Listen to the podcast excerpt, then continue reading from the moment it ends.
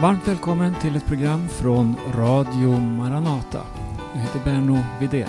I 30 minuter framåt så kan du lyssna till oss här. Jag ska börja med att eh, citera något ifrån Matteus kapitel 24. Jesus talar i det här kapitlet om den yttersta tiden och om sin tillkommelse, alltså Människosonens ankomst, att han ska komma tillbaka.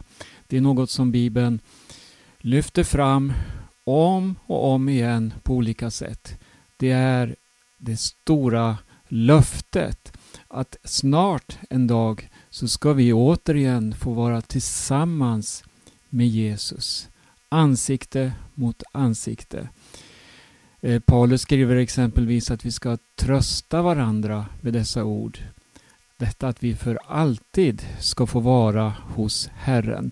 Det här är ett hoppfullt budskap som behöver spridas i våra dagar som är så fyllt av oro och ängslan.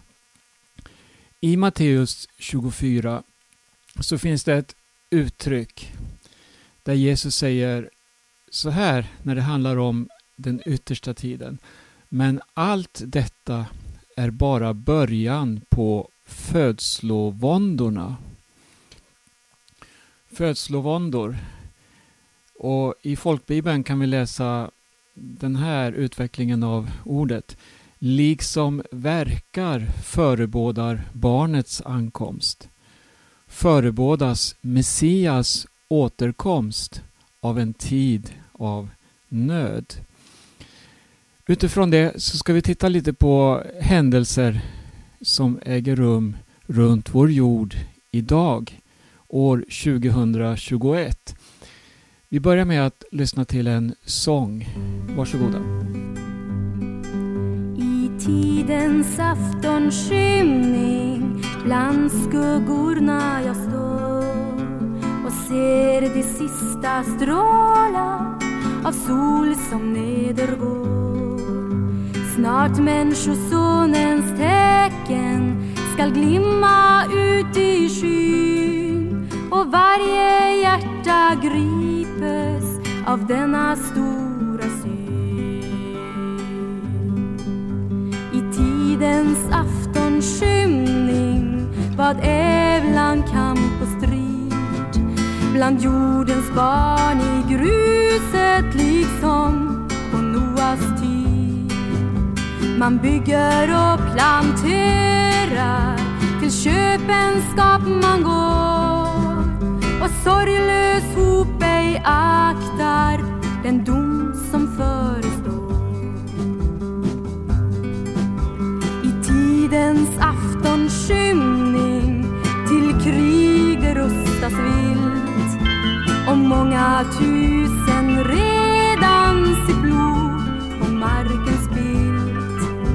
men nack, det är blott början till födslosmärtans vår. Då hämndens vassa lie de stora skaror slår.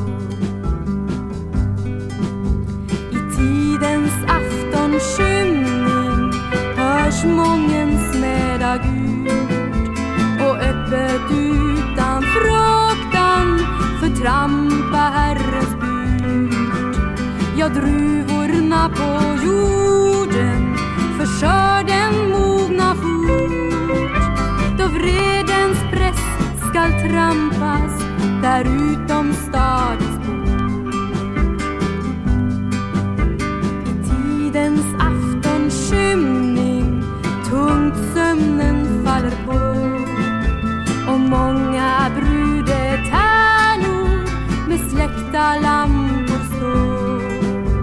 när Människosonen kommer som han har sagt förut.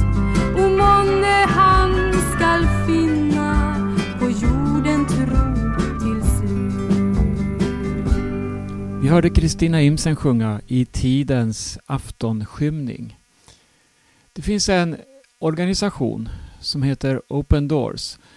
Den eh, beskriver och följer på olika sätt de kristna runt om världen och speciellt i länder där det råder förföljelse mot kristna. För några dagar sedan så släppte de en årlig rapport som lyfter fram och listar de 50 länder där förföljelsen mot kristna är som värst. Och den här finns att läsa på deras hemsida. Och jag sitter med den framför mig här nu och kan konstatera att som vi också har påmint om här tidigare i Radio Maranata så är Nordkorea det land där det råder en extrem förföljelse. Jag ska nu bara lyfta fram några länder med syftet att vi ska bära varandras bördor. Och hur kan vi göra det? Vi tycker att de här länderna ligger så långt borta. Här i Sverige så har vi nog med våra problem. Vi, ja, vi lider av nu att vi inte kan samlas till möten som vi brukar tidigare. Men eh, det här går inte att jämföra på något sätt.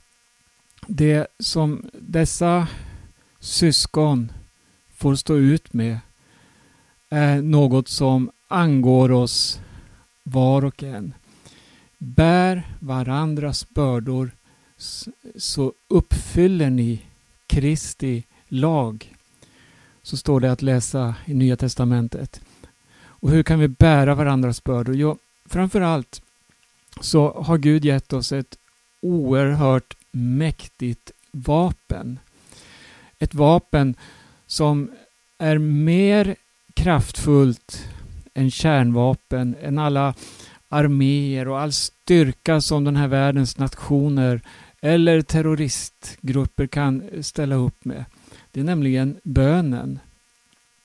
Bönen den sätter oerhörda makter i rörelse. Bön kan befria människor. Bön kan ge beskydd till människor. Så mitt syfte med att påminna om hur många kristna syskon har det runt om i världen, det är just detta att vi kan vara med att framförallt bedja för dessa vänner. Bedja för de som lider. Och så kan vi också på olika sätt vara med att ge vårt stöd till de som arbetar med dessa folk. Och det finns många sätt att göra det också. Jag ska börja med att eh, nämna då Nordkorea och något som eh, Open Doors här rapporterar om. Uppskattningsvis så finns det bortåt 400 000 kristna i Nordkorea. Och att bli påkommen med att vara kristen i Nordkorea innebär för många en dödsdom. Den som inte dödas omedelbart blir tagen till ett arbetsläger som en politisk förbrytare. De inhumana lägren är i ett fruktansvärt skick och få kristna tar sig ut därifrån levande. Hela familjen straffas på samma sätt, även om inte alla är kristna.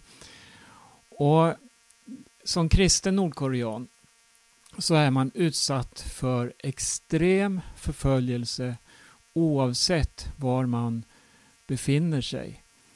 De nordkoreanska myndigheternas kontroll går bortom landets gränser.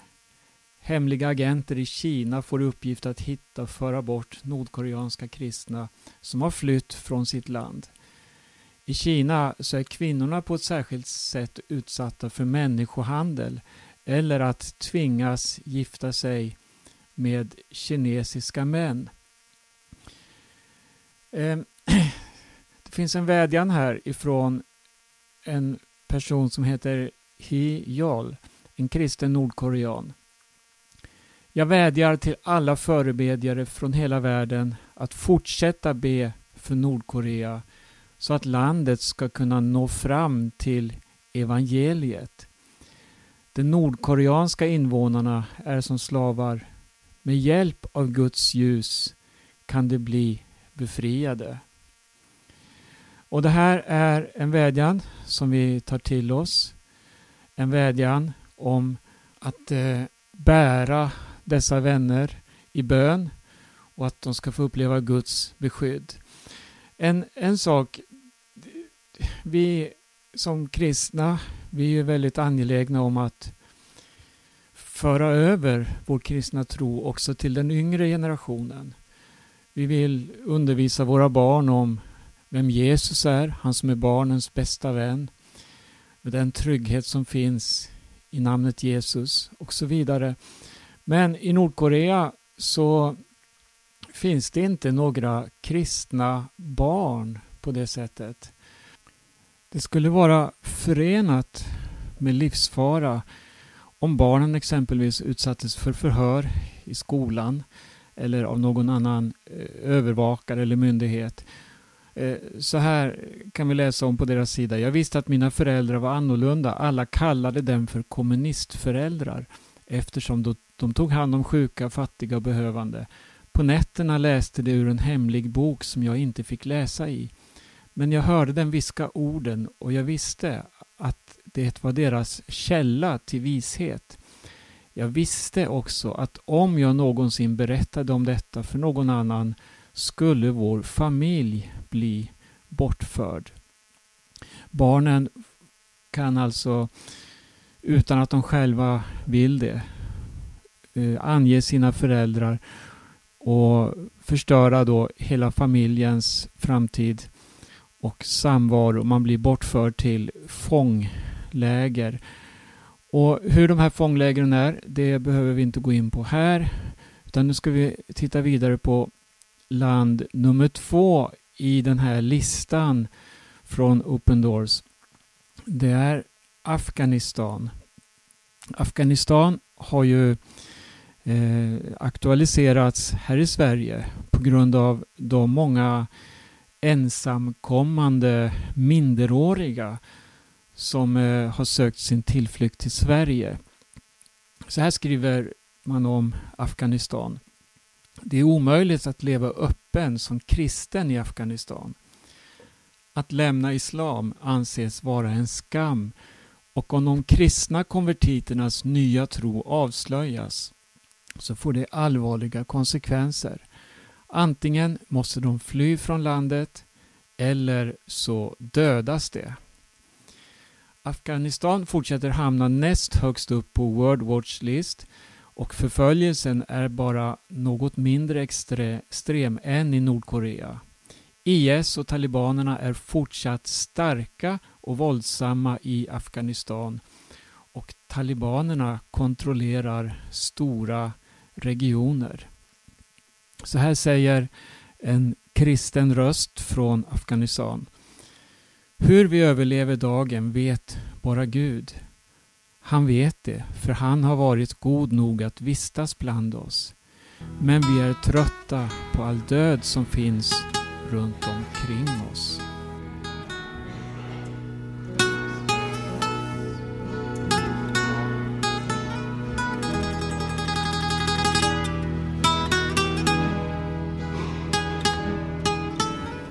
Vi går vidare till land nummer tre i den här listan.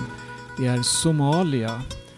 Somalia har bara några hundra kristna enligt den här rapporten. Folkmängden är 16 miljoner drygt. Det är omöjligt att offentligt bekänna sin kristna tro i Somalia och församlingsliv existerar inte. Islam ses som en central del av den somaliska identiteten och om någon somalier misstänks ha konverterat till kristendomen befinner sig denne i stor fara.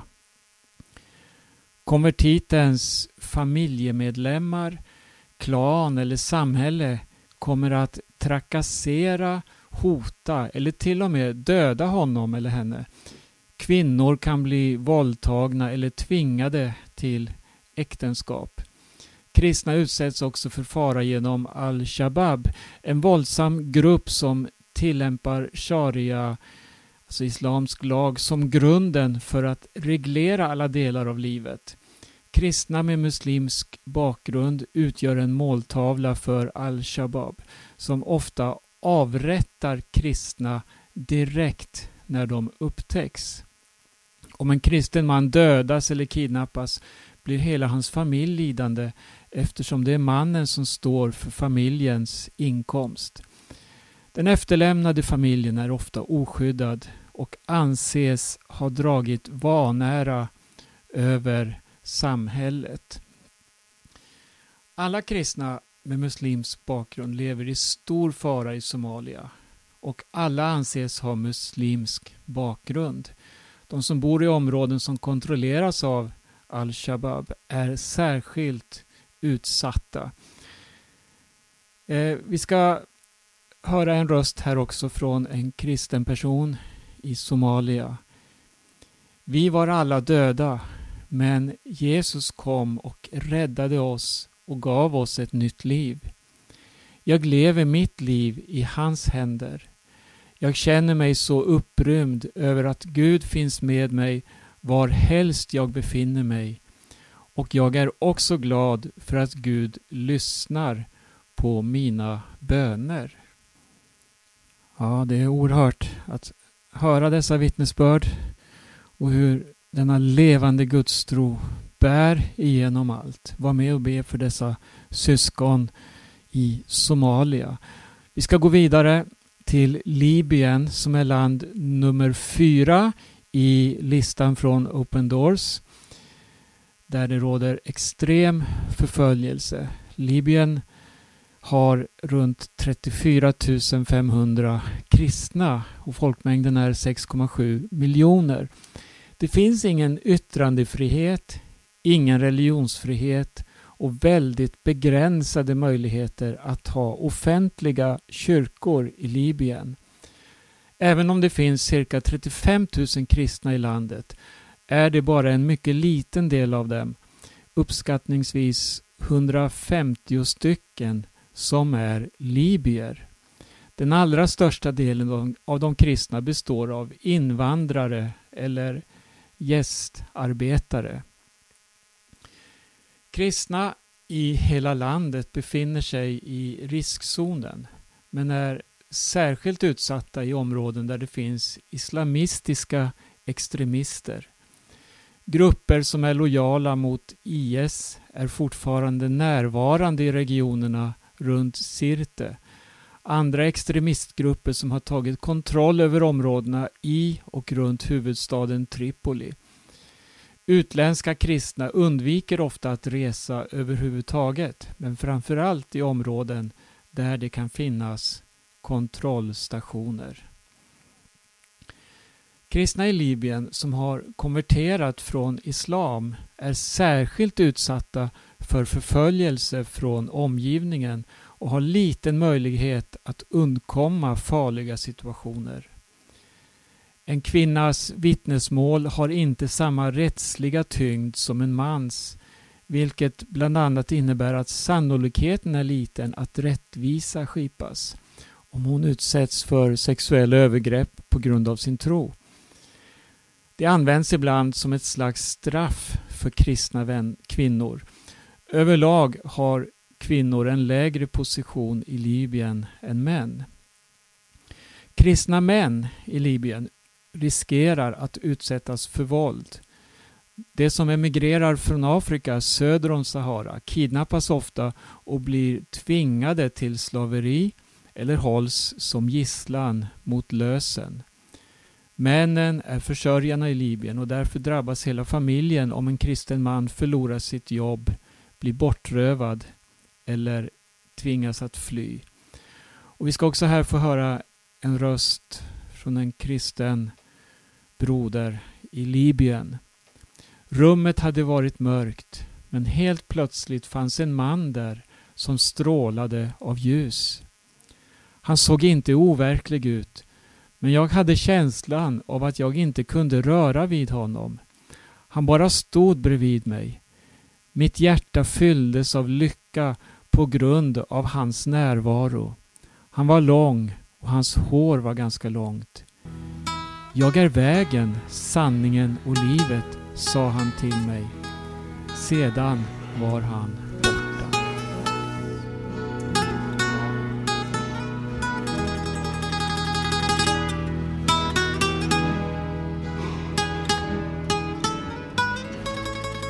Nästa land i listan det är Pakistan.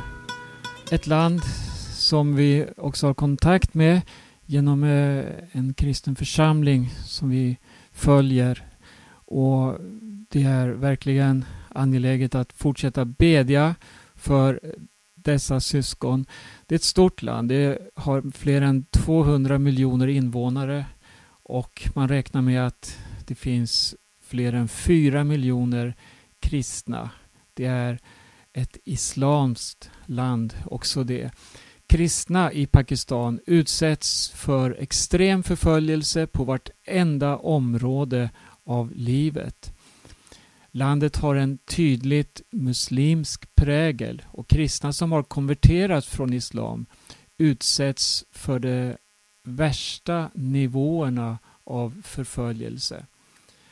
Alla kristna anses vara andra klassens medborgare i landet. De får arbeten som anses låga, smutsiga och ovärdiga och kan hamna i slavarbete. Det finns många, några kristna som tillhör medelklassen men de anses fortfarande vara underlägsna sina muslimska motparter och möter ofta allvarlig diskriminering på sina arbetsplatser. Pakistans ökända hädelselagar används för att sätta dit kristna. Lagarna försvaras av islamistiska extremistgrupper som inte drar sig för att attackera de människor som anses ha brutit mot lagarna. Det finns kristna kyrkor, men de som är aktiva i samhället möter svår förföljelse. Pakistan fortsätter att vara ett av de svåraste länderna i världen att vara kristen i. Det finns hundratals rättsfall mot kristna män till följd av landets hårda hädelselagar. De används ofta för att sätta dit kristna i en dispyt som handlar om arbete eller hyra istället för att gälla riktiga fall. Kristna män lever med en konstant rädsla för anklagelser om hädelse, förstörd egendom, arresteringar, fängelse, misshandel, tortyr och avrättning. Fortsätt att bedja för de kristna i Pakistan. Vi ska gå vidare till land nummer sex i listan. Och här har vi Eritrea. Ett land med 5,4 miljoner människor. Och här är en stor del av landets invånare kristna, en miljoner. Kristna som inte kommer från de traditionella kyrkosamfunden möter den svåraste förföljelsen i Eritrea både från staten och från den eritreanska ortodoxa kyrkan. Här har vi alltså en förföljelse som också kommer då från ett traditionellt kyrkosamfund. Och Den ortodoxa kyrkan är det enda kristna samfundet som är godkänt av staten och hårt kontrollerat av makthavarna. Vi ska läsa lite om Eritrea. Den statliga säkerhetsmyndigheten övervakar telefonsamtal, granskar aktiviteter och gör återkommande razzior mot kristna där de beslagtar kristet material och splittrar husförsamlingar. Kristna kan bli arresterade och fängslade utan rättegång. Många kristna hålls inspärrade i inhumana fängelser, ofta utan att deras anhöriga vet var de är eller om de ens lever. I juni 2020 rapporterade FN att inga betydande förändringar har skett när det gäller brott mot mänskliga rättigheter i Eritrea. Det fanns förhoppningar om att ett fredsavtal med Etiopien skulle förbättra situationen men än finns det inget som talar för det. Oroligheter vid gränsen mellan Etiopien och Eritrea under det senaste året har hotat stabiliteten och våldet fortsätter att öka i Eritrea.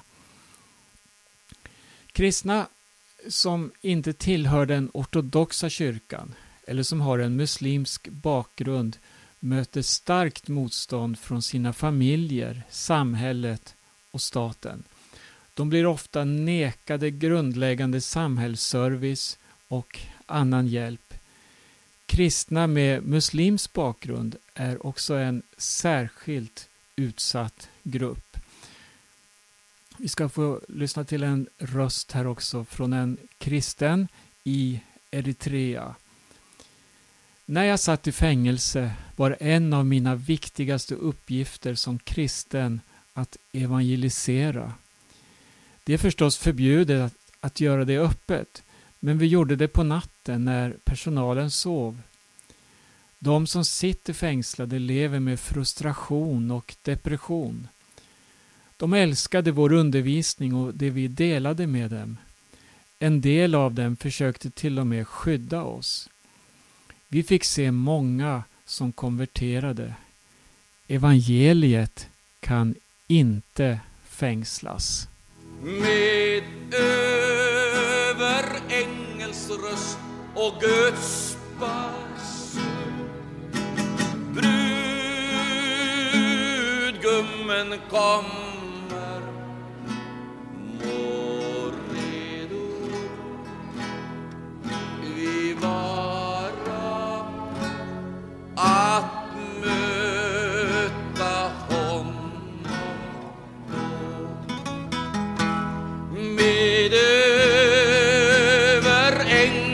ängels röst och Guds basun Brödgummen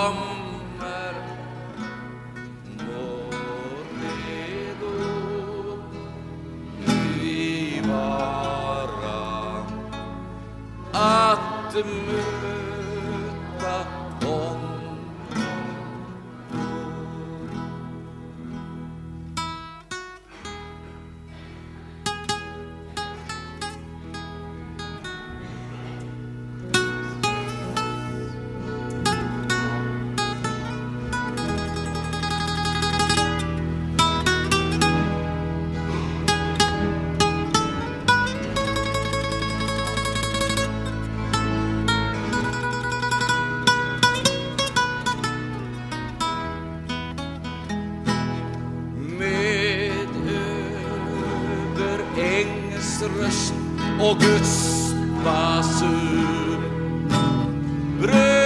Du lyssnar till Radio Maranata. I det här programmet så har vi lyft fram länder där kristna utsätts för svår förföljelse. Det finns en eh, nyligen publicerad presentation på Open Doors hemsida där man listar de 50 länder i världen där det råder mest kristendomsförföljelse. Läs den och eh, fortsätt att bedja för våra troende syskon runt om i världen. Det finns något som binder oss samman. Det är vår tro på Jesus. Och Jesus han sa så här, det här är också ett löfte som vi får påminna varandra om. Saliga är de som blir förföljda för rättfärdighetens skull. För dem tillhör himmelriket. Saliga är ni när människor hånar och förföljer er och ljuger och säger allt möjligt ont om er för min skull. Gläd er och jubla, för er lön är stor i himmelen. Med det säger vi tack för oss för denna gång härifrån Radio Maranata. Jag heter Berno Vidén önskar er var och en Guds välsignelse och på återhörande.